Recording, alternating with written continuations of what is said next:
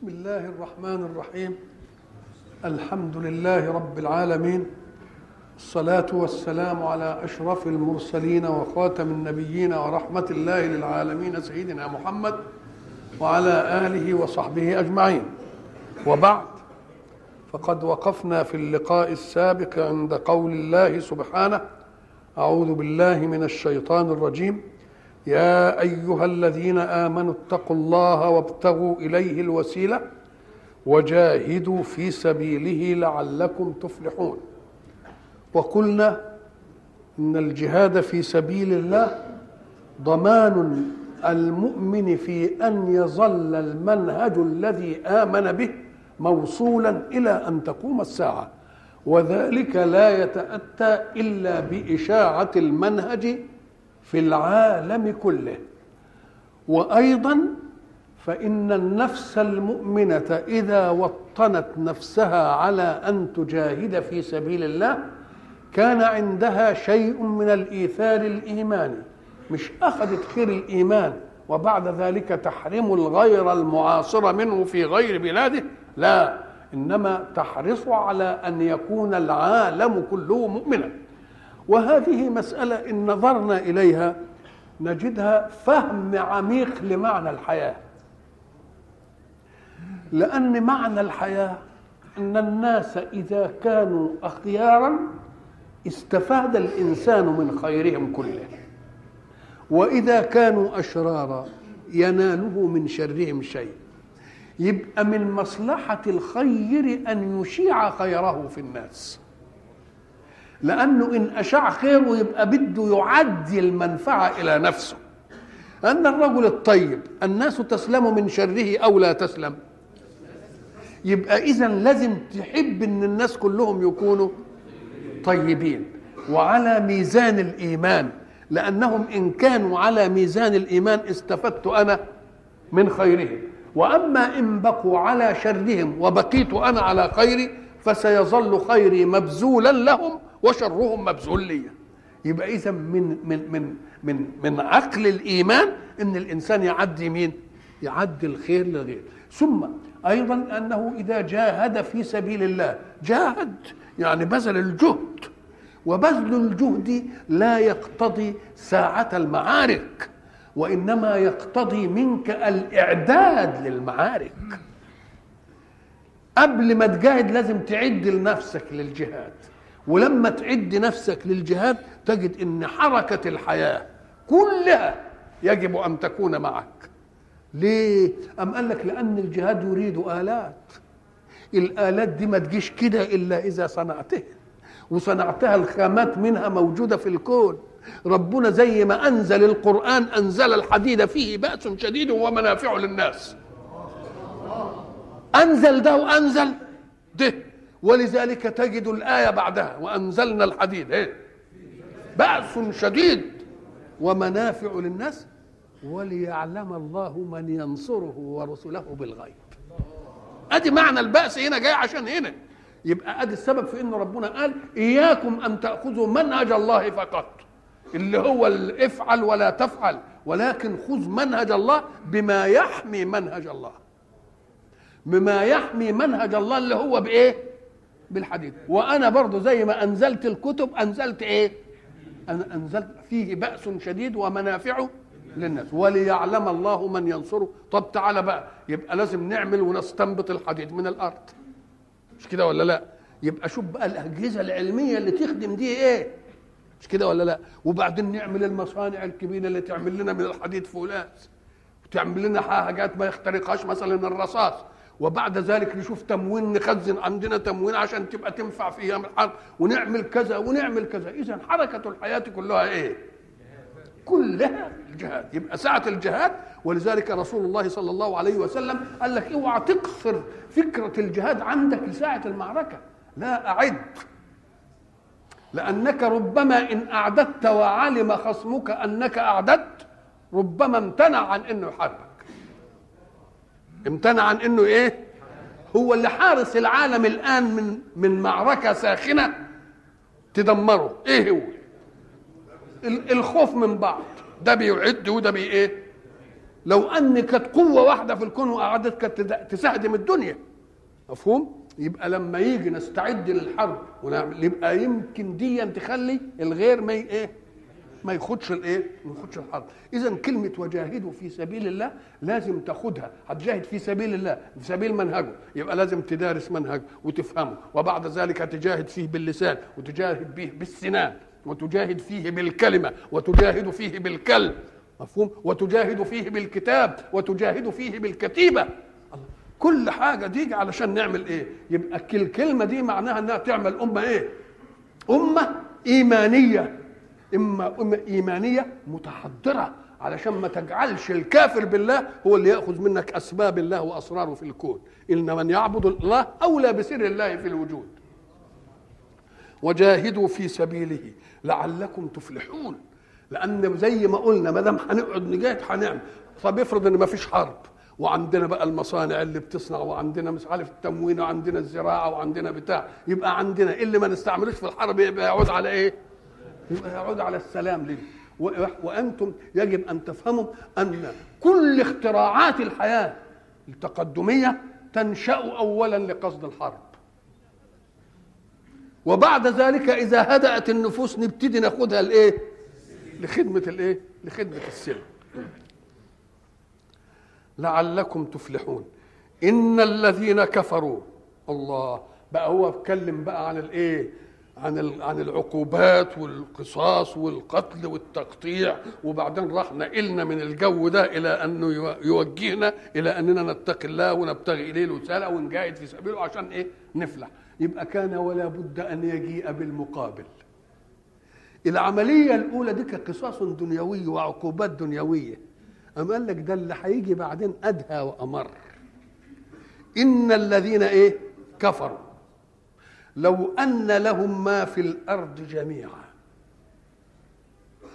ومثله معه إيه اللي يحصل؟ ليفتدوا به من عذاب يوم القيامة ما تقبل منهم ولهم عذاب أليم. رحم الله الشهيد الشيخ سيد قطب حينما تعرض هذه المسألة في الظلال الوارفة بالرحمة والرضوان إن شاء الله عليه آه لما جه يتكلم عن البتاع ده اخرجها كده إخراج جميل. قال لك إحنا عايزين نتصور الجماعة الذين كفروا دول اللي كانوا متعنطزين في الدنيا. وعمالين بيعتدوا بجبروتهم ويعملوا مش عارف إيه. وبعد ذلك نشوف الموقف اللي هينالهم ده. نقول لهم أنتوا كنتوا عاملين جبروت وعاملين مش عارف إيه بقوتكم على غيركم. آه القوة ضاعت. وكانت في الدنيا تعيش معكم بالأسباب الممنوحة من الله لكم. وما كانش يجعل كونه ولا سنن تضل عليكم بأن ترتقوا وتعملوا كذا وتعملوا كذا وتعملوا سنن كونية. اللي اللي جدعا في الأسباب ياخدها وكنتوا بتاخدوها لكن عرفتم إنها بقى ما هي الذاتية؟ طب كنتوا عايزين تبقى في إيدكم إيه؟ اليوم اللي هيجي وبعد ذلك لو أن ما في الدنيا جميعا ملككم. ومش بس اللي في الدنيا مثله معه كمان. علشان تقدموه فدية تفتدوا بها نفسكم من العذاب شوف بقى معهم ما في الدنيا جميعا وكمان مثله معهم شوف الكيد وبعدين يجوا يتقدموا عشان يفدوا نفسهم ما تقبل منهم. الله دي مسألة خزي إيه دي؟ يعني تقول لي طب هم مهما حصل لهم جبروت في الدنيا أجمعوا ما في الدنيا وهم في الدنيا؟ ما جمعوش ما في الدنيا. وهم في الدنيا. قال لهم لا هنفرض إنكم إيه؟ معاكم الآن ما في الدنيا جميعا وملككم. طيب. ومش كده بس هنتطوع كمان ونقول لكم خدوا إيه؟ مثله ما يكفيش إنه يخلصكم مما أنتم إيه؟ فيه. اذا المعنى دي يخلي النفس تستشعر إيه؟ إن المسألة مش لعب. المسألة مش هزل. المسألة جد في جد. ويجب أن تقدر العقوبة قبل أن تستلذ بالجريمة. تشوف هتودي ليك إيه هتوديك فين. اللي بيخلي الناس تستشري في الإسراف على نفسها إيه؟ إنه بيعزل الجريمة عن عقوبة الجريمة. لو أنه قرن العقوبة بالجريمة ما يمكنش حد يعملها. واللي بيكسل عن الطاعة برضه ما بيقارنش الكسل عن الطاعة بما كانت تعطيه الطاعة من الإيه؟ من النعيم. أنا ضربت مثل مرة قلت حاب إن الإنسان في صحراء كده وبعدين بص كده في أعلى الجبل ام لقى شجرة وهو جعان وفيها تفاح. واستدل على التفاح اللي على البتاع ده بإنه شاف واحدة ساقطة كده لقى إنها قديمة ما نفعش ياكل. قام بص كده لقى الإيه؟ قال لك بقى شوف مصارع الناس اللي يحاولوا منهم يصعدوا الجبل عشان إيه؟ ده يمشي كده يروح واقع ويمكن يوجع عنقه يموت ومش عارف إيه. الله إيه اللي خلاهم يعملوا كده؟ ده بص على أمل إن فيه إيه؟ على أمل إن فيه ثمرة. اذا لو أن الكسلان عن الطاعة استحضر النعيم المترتبه عليها لهانا الطالب اللي بيقعد لما يجي مثلا يصبح الصبحية بدري والنوم جميل كده وبعد ذلك يطلع ويتغلب على النعاس وبعدين إن كان ربنا هديه كده يتوضا ويصلي ويخرج في البرد واخد كتبه ومش عارف إيه وتنه رايح ويقعد طول النهار يمكن الله وبعدين يجي يبقى امه تقول له كل مثلا يبقى ماسك الكتاب ياكل لقمة وإيه ويبص يجي أبوه يلاقيه مثلا النور طول الليل ولا أبوه يقلق يلاقيه يقول له يا واد قوم ارتاح شوية. الله. وهو عمال بيعمل كده ليه؟ ده مستحضر نتيجة هذا الجهد. مستحضر نتيجة؟ فكل ده بقى سهل عليه. كل ده بقى إيه؟ سهل عليه. طيب لو أن اللي اهمل ونام يجوا يصحوه ولا يقومش من النوم وبعد ذلك ان صحوه خرجوا من البيت يقعد يتلقى على قهوة ولا يلاقي شوية ناس متسكعين يقعد يتسكع وياه لو أنه مقدر النتيجة اللي يقول إليها بعد كام سنة كده ويبقى صعلوك من صح كان يعمل إيه؟ اذا العيب عندنا إننا إيه؟ بنعزل الجريمة عن عقوبتها وبنعزل الطاعة عن ثوابها لو حطينا ديا قبل ده إيه؟ مش ممكن ابدا حد لا يعمل معصية ولا حد يهمل في إيه؟ ولا حد يهمل في طاعة. فقال بقى إحنا هنتصور الجماعة اللي كانوا عاملين في الدنيا إيه؟ قهارين وجبارين وعمالين يبطشوا وينهبوا من هنا وينهبوا من هنا وينهبوا نقول له يا شيخ أنت في الدنيا ما خدتش كل اللي في الدنيا. لا هنتصور ونفترض إنك أنت خدت اللي في الدنيا كله. وبلاش كده هنتطوع ونديك مثله معك كمان. وبعدين تيجي تقدمه كده فيرفض منك. تقدمه ف... ده, ده الافتراض وإن كان ده مش هيتأتى. خلاص؟ ما تقبل منه. ولهم عذاب إيه؟ أليم. يريدون أن يخرجوا من النار. كل النار ما يمسهم لفحها عايزين يخرجوا إيه؟ طب إرادة الخروج دي تيجي إزاي؟ إيه الفكرة اللي تجي لهم منهم؟ عايزين يخرجوا من النار. أم قال لك ده لازم النار ساعة ما تهاوي بيهم كده وتلفحهم عمالة بتقلب فيهم. يقوم هي لما تقلبهم ناحية بره كده يقوموا يفتكروا إنها هتطرد بقى بره يقوم يلاقيها إيه؟ دخلته إيه؟ تاني. أم قال لك ده أو ده لون من النكال. لون إيه؟ من النكال. ألم يقل الله فيه عشان يبشع الموقف؟ وإن يستغيثوا. طب يغاثوا. بالله ساعة ما تسمع وإن يستغيثوا يغاثوا. مش تفهم إن في رحمة جاية لهم؟ أما قال لك هيغاثوا بماء كالمهل يشوي الوجوه. الله الله الله الله. طب يا ريته سابهم من غير من غير يغاثوا دي.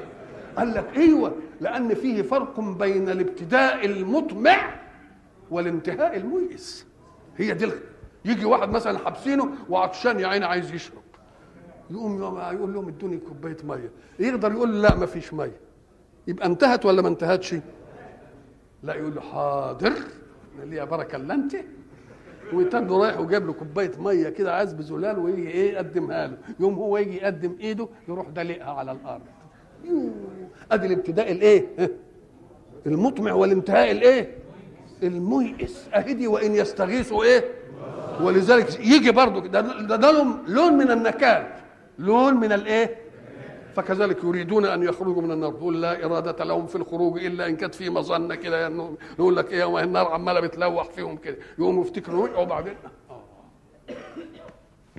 وما هم بخارجين إيه؟ ولذلك برضه من هذا اللون يقول لك فبشرهم. بشرهم دي يمكن يقول لك جاي لنا عفو ولا حاجة. بشرى ويفرحوا كده. بعذاب أليم. الله الله الله.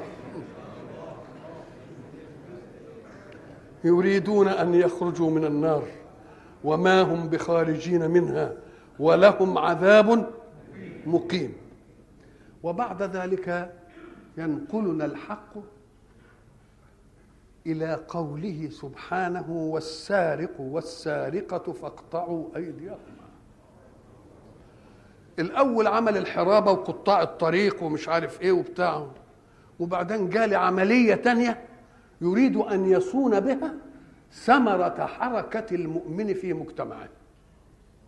لأن الإيمان يحب أن تتحرك. ولتتحرك يضمن لك ثمرة حركتك. أما إن تحركت وجت ثمرة وبعدين حد خدها منك تاني تزهد في الحركة. وحين تزهد في الحركة إيه اللي يحصل؟ الوجود هيتوقف. يبقى إحنا من حظنا ان الحركة إيه؟ ان الحركة تستمر. ما تستمرش إلا إن أمنت صاحب الحركة على ثمرته من الحركة. بس أنت تكون رقيب عليه. حركته فيما شرع الله. وبعد ذلك حين يتحرك بما شرع الله ويكسب من حلال مالكش حكاية عنده. ليه؟ أم قال لك لأن حركته ستفيد المجتمع؟ كان ذلك في باله أو لم يكن؟ كان ذلك في باله أو لم يكن؟ إحنا قلنا زمان إن الرجل اللي عنده فلوس وحاططها وكنزها يوم الحق سبحانه وتعالى يريد أن يفتح أبواب الخير لمن لا يجد المال.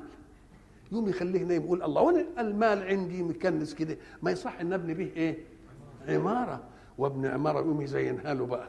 أبن عماره 10 أدوار والدور أربع شقق والشقة بقى أجرها ب 100 جنيه يبقى تطلع قد كده. هو قاعد يحسبها ومش عارف الخطر ده جاي له إزاي. الله سبحانه وتعالى يقذف في باله الإيه؟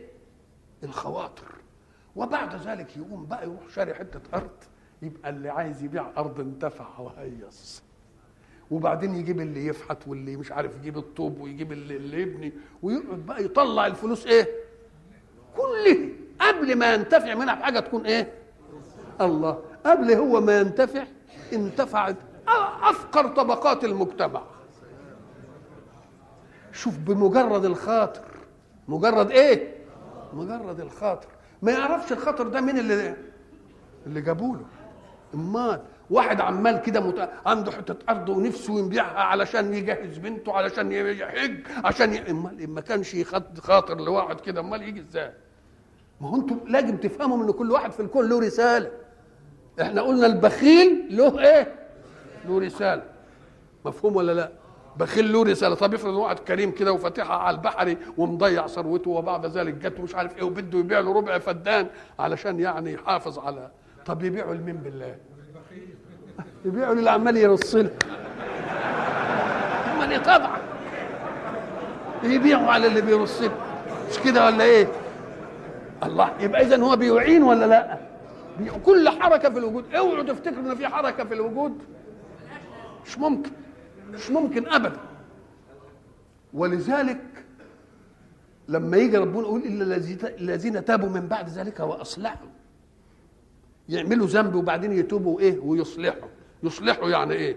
السيئة أو الذنب يطرده.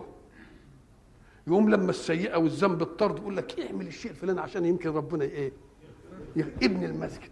ساعد مش عارف الغلابه ولذلك تجد إن الخير اللي الناس فيه تعيش فيه إسلامي يمكن كله من المسرفين على أنفسهم. هو في حد ياخد حاجة من ورا ربنا كده يقول له لا والله لازم أطفحك الدم في سبيلي. واخلي السيئة دي تطردك علشان تيجي دي تقول لك اعملها علشان ربنا مش واعمل دي عشان كذا واعمل دي عشان كذا واعمل دي عشان كذا إن الحسنات يذهبن الإيه؟ السيئات تقول له اللي خدته كده من هنا هنطلعه منك ما تفتكرش حد بيضحك عليه ابدا. نعم. فيجي بده يحمي المجتمع يقوم يقول لك قبل ما ينتفع الراجل بالعمارة يكون كل فلوسه خرجت لمين؟ للناس لأفقر طبقات المجتمع. هل كان في باله أن ينفع الناس؟ يبقى الناس انتفعوا غصب عنه. ويمكن بعدين بعد ما يطلعها كده يجي حد يأممها له يمكن المقاول يخون فيها وتروح واقعة على اللي يقول لي يا سلام أكن الحق سبحانه وتعالى بمجرد القواطر نعم هو غيب وقيوم. يقوم يعمل حركته في الكون غيب خواطر عايشة في الناس كده. انت تقعد كده هو كنت بيتك على السوق ولا حاجة زي ما بنشوف وتبص مثلا تلاقي يوم السوق. تيجي حاجة عجيبة. لو انت قعدت شفت المنظر دي تتعجب في الكون ومدير الكون ومدبر الكون والقيوم. تلتفت تلاقي الصبحية بقى ناس ماشيين بالعصي بتاعتهم ولا النبابيت ولا الخرزان بتاعهم ما معهمش حاجة ابدا. وتلاقيهم كوكبة. تعرف إن دول رايحين يشتروا حاجة من السوق. وناس ماشيين يسوقوا العجلة ولا الحمارة ولا البقرة ولا مش عارف إيه. تعرف إن رايحين يبيعوا. طيب. وبعدين تشوف بقى جماعة الست من دول ماشية مال الكرنب والأرنبيط والزبانخ والبجل ومش عارف إيه والبتاع والتانية ماشية بالقفة فاضية. تبقى تعرف إن دي راح تبيع ودي راح إيه. وبعدين تيجي آخر النهار تلاقي المسألة معكوسه طب بالله من الذي هيج الخواطر لبائع الجاموسة أن يذهب إلى السوق ليبيعها؟ ومن الذي حرك الشاري يقول لك وأنا قاعد الفلوس عندي ليه مشروع اشتري عجلة كده تيجي تملى البيت ويمكن تولد وتحلب لي ويزينها له بأي شكل؟ يبقى ده عايز يبيع وعامل له اللي عايز يشتري. وبعد مين رتبها دي؟ الله سبحانه وتعالى. قيوم وكل واحد يرجع إيه؟ يرجع رد. هل فيه ناس قعدوا كده؟ قال لك والله السوق يلزمه النهارده 20 طن قوطة و20 مش عارف كام كوسي و20 مش عارف سبانخ و20 و20 حمار و20 جاموسي و20 ما حدش ابدا عمل الحكاية دي. يوم ما حبوا يعملوها أفسدوها. لو تركوها لخواطر الله المجردة في الناس. لتوازن المجتمع بحاله. نقول لهم يا ناس ابعدوا عنها بس واسكتوا. ابعدوا عنا تدبيركم وتفنينكم واسكتوا. نعم.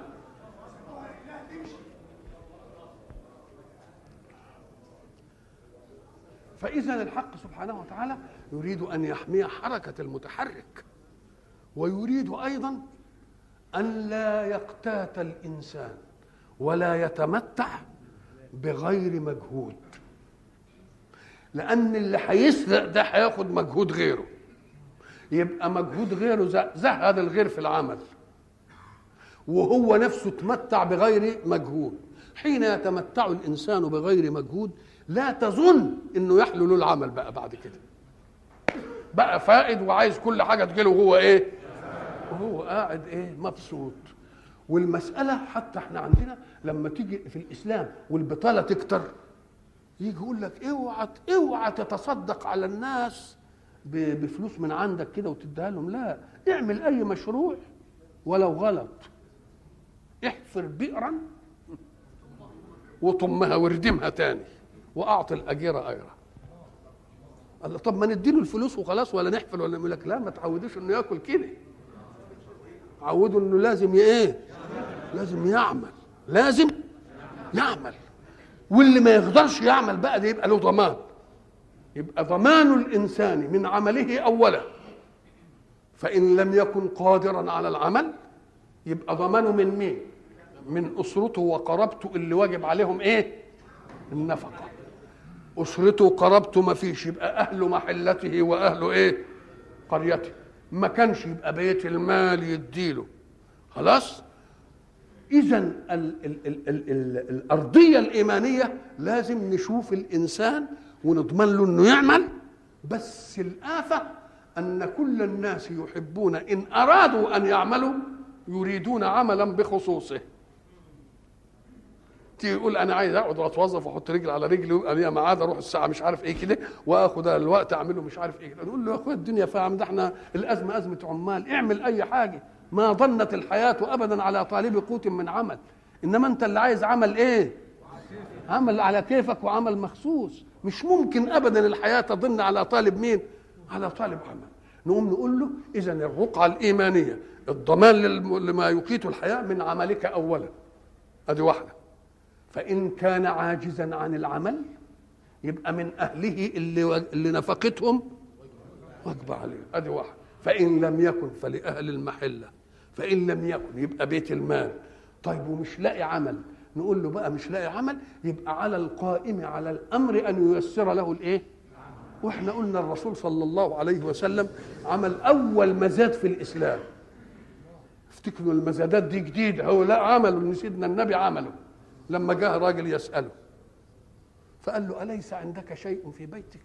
قال له أنا عندي حلس يعني حتة بتاع كده بننام عليها ونغطي بنفسها. قام قال له هاته. ولما جابوا عنده كده النبي عرضه للبيع قال من يشتري هذا فقعد ده بدرهم وواحد تاني قال بدرهمين فاداه النبي لمين؟ لصاحب الدرهمين وقال للراجل خذ هذا الدرهم واشتري به طعاما لمين؟ لك ولأهلك والدرهم الثاني اذهب واشتري به قدوم أدوم وأت به إلي فعلى ما جاب له القدوم يبقى أشار النبي صلى الله عليه وسلم اللي هو بيمثل ولي الأمر أهو. أشار المشورة. طب وليه جاب الحلس بتاعه والحتة اللي بينام اللي بيقعد عليها وينام عليه؟ قام قال لك عشان لما يعرف إن الحكاية بتاعته دي من عنده بتاعته. إنما لو حد اداله تاني ما تبقاش. قال له تعالى بقى ليا. فجه لقى حضرة النبي عليه الصلاة والسلام بيده الشريفة الكريمة وقد سوى له غصنا من الشجر إيد للأدوم بايده وراح حاطط له الإيد في الأدوم وقال له اذهب فاحتطب ولا أرين وجهك خمسة عشر يوم.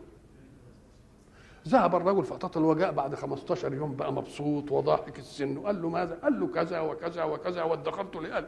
قال هذا أحسن من أن تجيء يوم القيامة وكلف المسألة في وجهك. أدي التربية. أدي العمل. إذا فالعملية كلها بدنا نحمي اللي مش واجد نكفيه. نعلمه إزاي يعمل. نساعده برأينا. نساعده بإمكانياتنا. كلام على الأول. فيه فرق بين أن تعمل للناس لتعينهم إن عملت لهم لتعينهم بيبقى كويس منك. إنما خير من ذلك أن تعلمهم أن يعملوا لأنفسهم. ولذلك قلنا إن الحق سبحانه وتعالى لما جالنا في قصة ذو القرنين المليئة بال حتى إذا بلغ بين إيه؟ سدين. وجد من إيه؟ لا يكادون يفقهون قولا. طب لا يكادون يفقهون قولا يبقى ما فيش تفاهم بقى. طب اسمع قالوا يا ذا القرنين إن ياجوج ومأجوج مفسدون في الأرض. فهل نجعل لك خرجا على أن تجعل بيننا وبينهم سدا؟ يعني نجعل لك حاجة كده من عندنا عشان تبني لنا سد؟ قال ها إيه ربنا ممكنني ومديني خير أنا مش عايز منكم حاجة. ولكن سع... أنتوا اعملوا أنتوا. فبقول إيه آتوني زبر الحديد. ينقوا هم زبر يبقى اشتغلوا. آتوني أفرغ عليه إيه؟ قطرة. الله الله الله. ومن العجيب إن القرآن لما يجيب ما يجيبش كلام كده. طب هم قالوا له ابن سد أم هو قال لا ده أنا عملوا عليه ردم طب إيه الفرق؟ تبين في العلم الحديث إن السد يبقى صم قوي. إنما الردم لا. لما يجي في الصم القوي ده إذا حصلت له هزة في أي جانب كله انهز إنما اللي يبقى ردم كده لما تنهز يبقى الضغط يعمل السوسة جوه نعم. ما كلام موزون. دي قالوا عايزين سد هو قال لهم هعمل لكم إيه؟ مش سد ده أنا هعمل لكم رد. وبعد اذا هو إيه؟ مش علم مش عمل لهم ها؟ علمهم إنهم يعملوا علشان هو مش عايز يقعد وياهم طول عمره. مش عايز يعيشهم عاجزين. مش عايز يعيشهم عاجزين. نعم.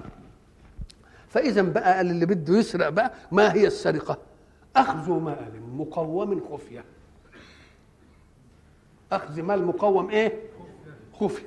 لأن مره ما يبقاش خفية يبقى اغتصاب. ومرة يبقى خطف. مش كده؟ ومرة يبقى اختلاس. الأخذ ده له أنواع إيه؟ متعددة كتير. طيب اللي قاعد كده على البنك بتاعه بيبيع مثلا لعب ولا بيبيع حلاوة ولا بتاع والبنك عريض كده ما يقدرش يجي المال. وبعدين جه عيل كده وراح إيه؟ خاطف حتة بتاع. إيده ما طلوش خطف وجري. يبقى ده اسمه إيه؟ طب اغتصب. ده دوكا مسك وقعد يحاول انه يعمل إيه؟ ياخدها من ايده. افرض انه مسك طرف كده ودوكا قاعد إيه؟ يبقى ده اسمه إيه غصب؟ طب اختلس.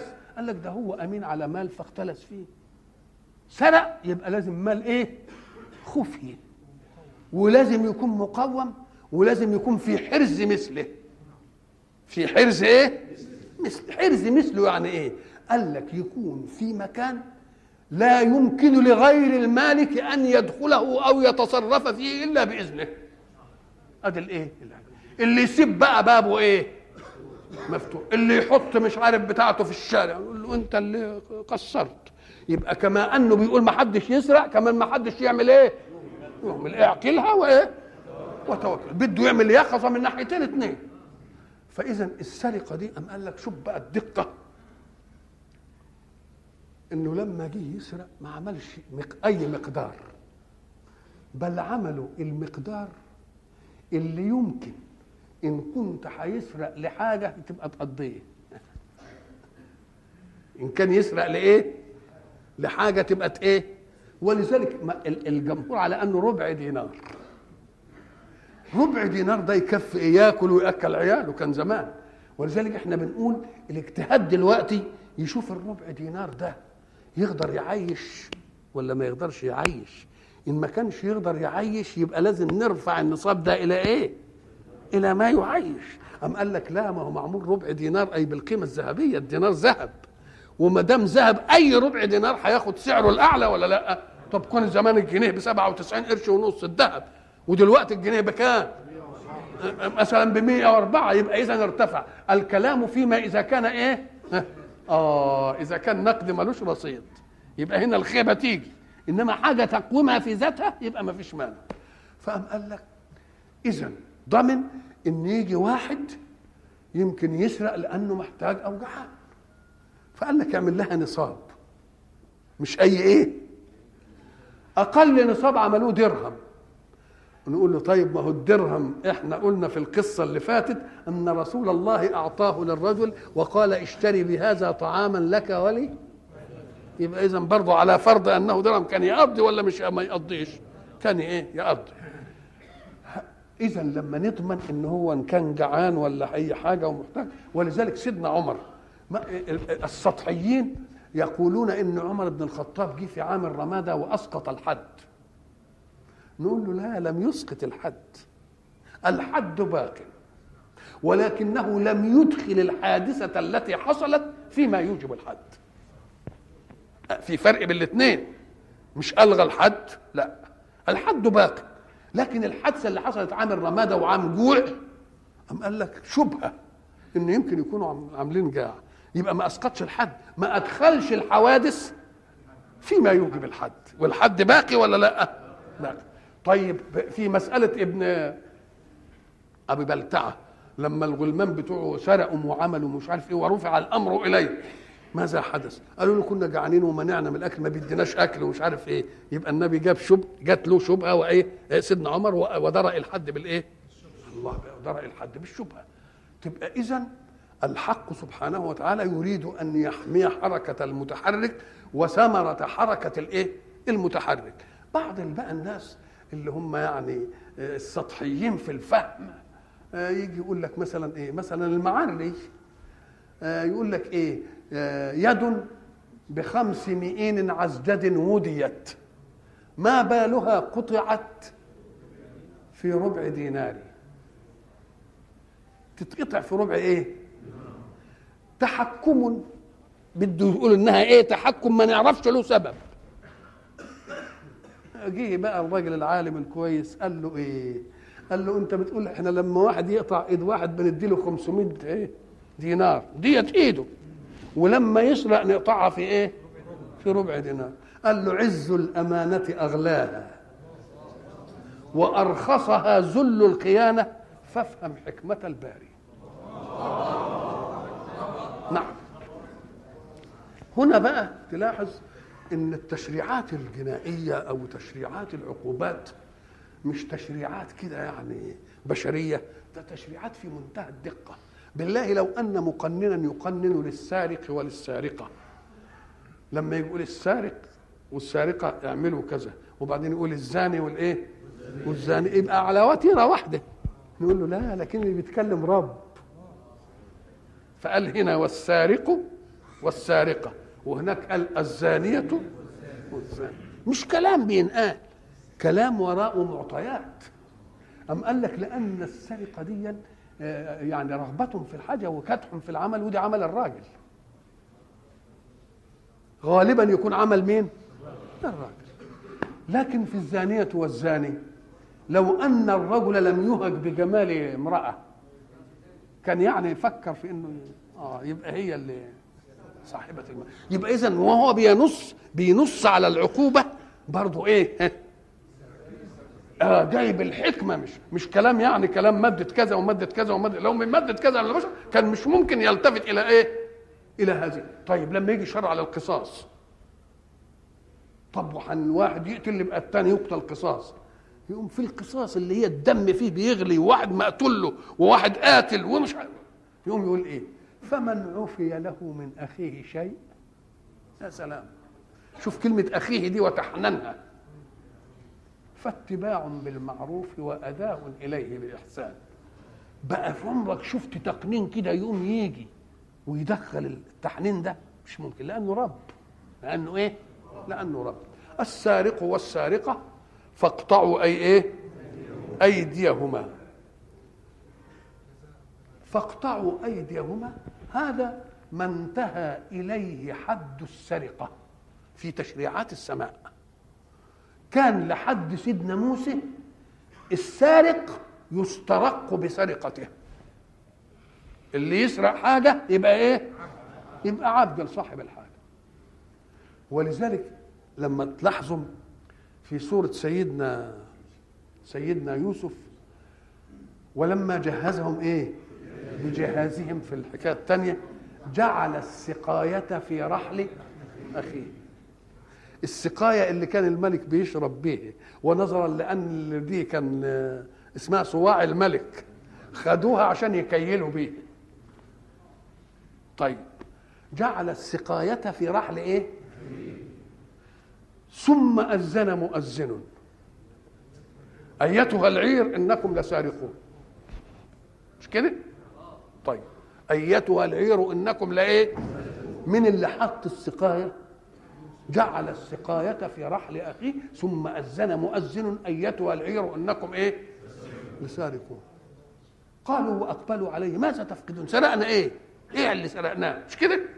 قالوا نفقد صواع الملك ولمن جاء به حمل بعير وأنا به إيه سعيد قال يعني المسألة إيه يعني محبوكة قوي طبعا قوي قالوا تالله ما جئنا إيه؟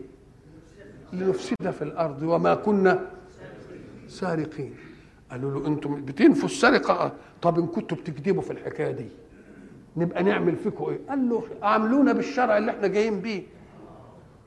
قالوا جزاؤه من وجد في رحله فهو جزاؤه. الله من اللي قال؟ هم نفسهم اللي حكموا. أم قال لك الله؟ طب ليه ما حكمهمش بالشرع بتاع فرعون اللي كان بيحكم بشرع فرعون. قال لك لا ده خلاهم هم اللي يقرهم لأن شرع فرعون ما كانش كده. كان شرع فرعون اللي يسرق حاجة يدفع إيه؟ قيمتها أو مضاعفة على الأقل يعني على الأكثر. إنما يفضل لحاله لو عاملهم بالهناء قال لهم لا. طب أنا راضي إيه؟ هحاكمه؟ بشرعكم أنتم لأن هو عارف الشرع. قال له إيه؟ الشرع اللي عندنا اللي إحنا بنعمل بيه جزاؤه من وجد فيه فهو جزاؤه. شوف أدي معنى قول الحق سبحانه وتعالى كذلك كدنا ليوسف. عملنا له حيلة عشان يخلي مين؟ يخلي أخوه عنده. لأنه لو استعمل قانون فرعون أخوه ما يفضلش إيه؟ عنده إنما دي عشان أخوه يفضل إيه؟ عنده كذلك كدنا مش كد أنت تقول كدت لفلان يعني عملت فيه كيدا يضره. لا ده هي كدنا لصالح يوسف. كدنا لمين؟ لأن اللام عادة تفيد الملكية والنفعية والبتاع. كدنا لمين؟ لصالح إيه؟ يوسف. أم هم بقى لما حكموا الحكم ده قال جزاؤه. من وجد في إيه؟ في رحله فهو جزاؤه. يبقى خلاص انتهت. هيفضل ولا ما يفضلش؟ هيفضل عنده. قالوا بقى إن يسرق فقد سرق أخ له من قبل. أخوه برضه اللي من أمه اللي هي لا يوسف وايه وأخوه أحب إلى إيه؟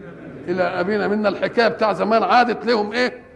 وإيه حكاية إن يسرق فقد سرق أخ له من قبل فأسرها يوسف في نفسه ولم يبدها إيه؟ بالك لو انفعل كده وانفعل كانت تنكشف المسألة. ما انفعلش ولا اصرها يوسف في نفسه ولم يبدأ إيه. ودي اصله برضه كان الولد أخوه عايش أظن عند عمته وبعدين لما كبر حبوا ياخدوه فهي عايزه يفضل إيه. عندها قامت عملت إيه. جات لي حاجة تمثال من التماثيل اللي كانت عندهم دي وخلته وهو خارج كده ودسته في متاعه. في الشنطة بتاعته في جيبه في أي حتة. وقالت إيه أنا فقدت مش عارف الشيء الفلاني. ففتشوا الولد فتشوا الولد لقوها معاه قال بس يفضل عندي هذا شرعهم إيه؟ شرعهم. آه. يبقى إذا هذا الشرع كان الاسترقاق كان باقي إلى حد موسى. آه هل نسخ؟ فإن كان نسخ يبقى هذه الآية تأكيد للنسخ. وإن لم يكن قد نسخ يبقى هذه الآية بداية لمين؟ بداية للنسخ والسارق والسارقة فاقطعوا أيديهما جزاء بما كسبا نكالا من الله السنة بقى هي اللي تبين الأيدي قالت إيه؟ اقطع الإيه؟ الإيد اليمين لأنها عادة هي الإيه؟ هي المباشر للعمل الأول المباشر للعمل الأول إحنا لما كنا في رحلة من الرحلات كنا في أمريكا وبعدين قالوا التيمم في كل شيء وهم بعضهم يأكل بالشمال فقلت لهم ده ده مسألة تكوينية. ما هيش مسألة يعني كده بدليل إن في بعض ناس أجهزة الأجهزة بتاعتها هنا بتختلف عشان ما تبقاش ميكانيكا. لو ميكانيكا كانت تفضل كلها زي إيه؟ زي بعضها إنما أصلها صانع. ويقول لك يقول لك ما, ما مش ما تنفعش إلا كده لا وانفعها بحاجة تانية برضه. لأن ما دام أريد خلاص. لو ميكانيكا ما حدش يقدر إيه؟ ولذلك يقول لك العقل البتاع ما بيغلطش. نقول له ما هي خيبته إنه ما بيغلطش. خيبته إنه إيه؟ ما بيغلطش. لأنه حرفي. إنما العقل البشري بقى يقول لك لا دي دكني لا بلاش تقول دي. يعمل مش ادل ادل إنما كده آلي ما ينفعش الكلام ده. آه. آه كنا جايبينها ليه؟ اللهم صل وبعدين قلت له طيب اطلب من هذا أن يقف. فطلب من السائل أن يقف. فلما وقف قلت له مره أن يتقدم جهتي. فلما أمره أن يتقدم جهتي مد رجله اليمين. ده تكوين ده. ولذلك اللي عنده ولد متأبية عليه اليمين إياك أن يرغمه على إنها اليمين. لأن دي عملية بتشذ في الخلق عشان تثبت قدرة الخالق. وخليه يبقى بإيده اليسار. سيبها كده وضب إنما تحاول تضربه وتعمل تفقده هنا وإيه؟ وهنا. لأن دي لما جم وجدوا إن تكوين السيطرة بيبقى في الإيه؟ في المخ في المخ. عملية مش بتاعته ودي معمولة شذوذ في الكون معمول لإيه؟ لحكمة عشان ما تفهمش إن الكون ناموس وسنن وكونية وانتهت. لا ده فوقها إيه؟ مكون أعلى. فاقطعوا أيديهما جزاء. جزاء بما كسبا اذا إذا سمعت كلمة كسب افهم منها إنه يعني عمل. بس كسب سيئة يعني خد أكتر من حقه كما أن الكسب أكتر من رأس الإيه؟ أكثر من مال. الله بدليل إنه عمل له معفيات. قد كده. يعني لو كانت على قدر الضرورة كان المعفي إيه؟ يؤدي الضرورة يبقى هو زاد عن الإيه؟ زاد عن المعفي. ونكالا من الله. ما معنى النكال؟ النكال هي العبرة المانعة من وقوع الجرم. عبرة مانعة من إيه؟ لما تعمل له نكال يقوم غيره؟ يعتبر. يبقى إذا النكال عقوبة تعطي العبرة للنفس الأولى ولمن؟ ولمن يراها. الله. يبقى اذا قول الحق سبحانه وتعالى بعد ذلك في بعض الأمور وليشهد عذابهما طائفة من المؤمنين معناها أن لازم يتعالم ان ده عمل كذا وكذا وكذا وكذا وكذا. ما دام يتعالم علشان إيه؟ علشان الاعتبار والإيه؟ والعظه جزاء بما كسب نكالا من الله. إياكم أن يفهم بعضكم بعضا إن دي تشريع بشر لبشر. وإنما تشريع خالق لمخلوق. والخالق هو اللي صنع الصنعة. فما يبقاش يلي ما صنعتش أنت الصنعة تبقى عندك غيرة على الصنعة أكتر من اللي نعم. نكال من مين؟ من الله. وإحنا ما بنعملش كده علشان نقطع أيادي. لا إحنا بدنا نمنع قطع الأيادي. نمنع قطع الأيادي يبقى لازم تشريع وتشريع منجز منفذ.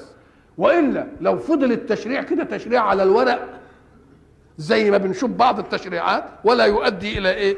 وبعد ذلك يقول لك الوحشية ومش الوحشية والعملية والمعنى. قال اللي بيقول لك الوحشية دول ما عملوش حاجة ابدا. نقول له يا أخي وحشية إيه؟ ده إحنا لما نيجي نشوف قبل ما يجي الحكم الأخير في السعودية كان الحجيج بيعرض لإيه؟ للقتل وللنهب. لما قطعت إيد واحدة امتنع كل شيء. يبقى اذا زي ما قلنا القتل الانفى للقتل برضه القطع انفى لايه القطع انفى للايه للقطع. وبعد ذلك تقول له التشويه ده اللي أنت عمال بتطنطن بيه.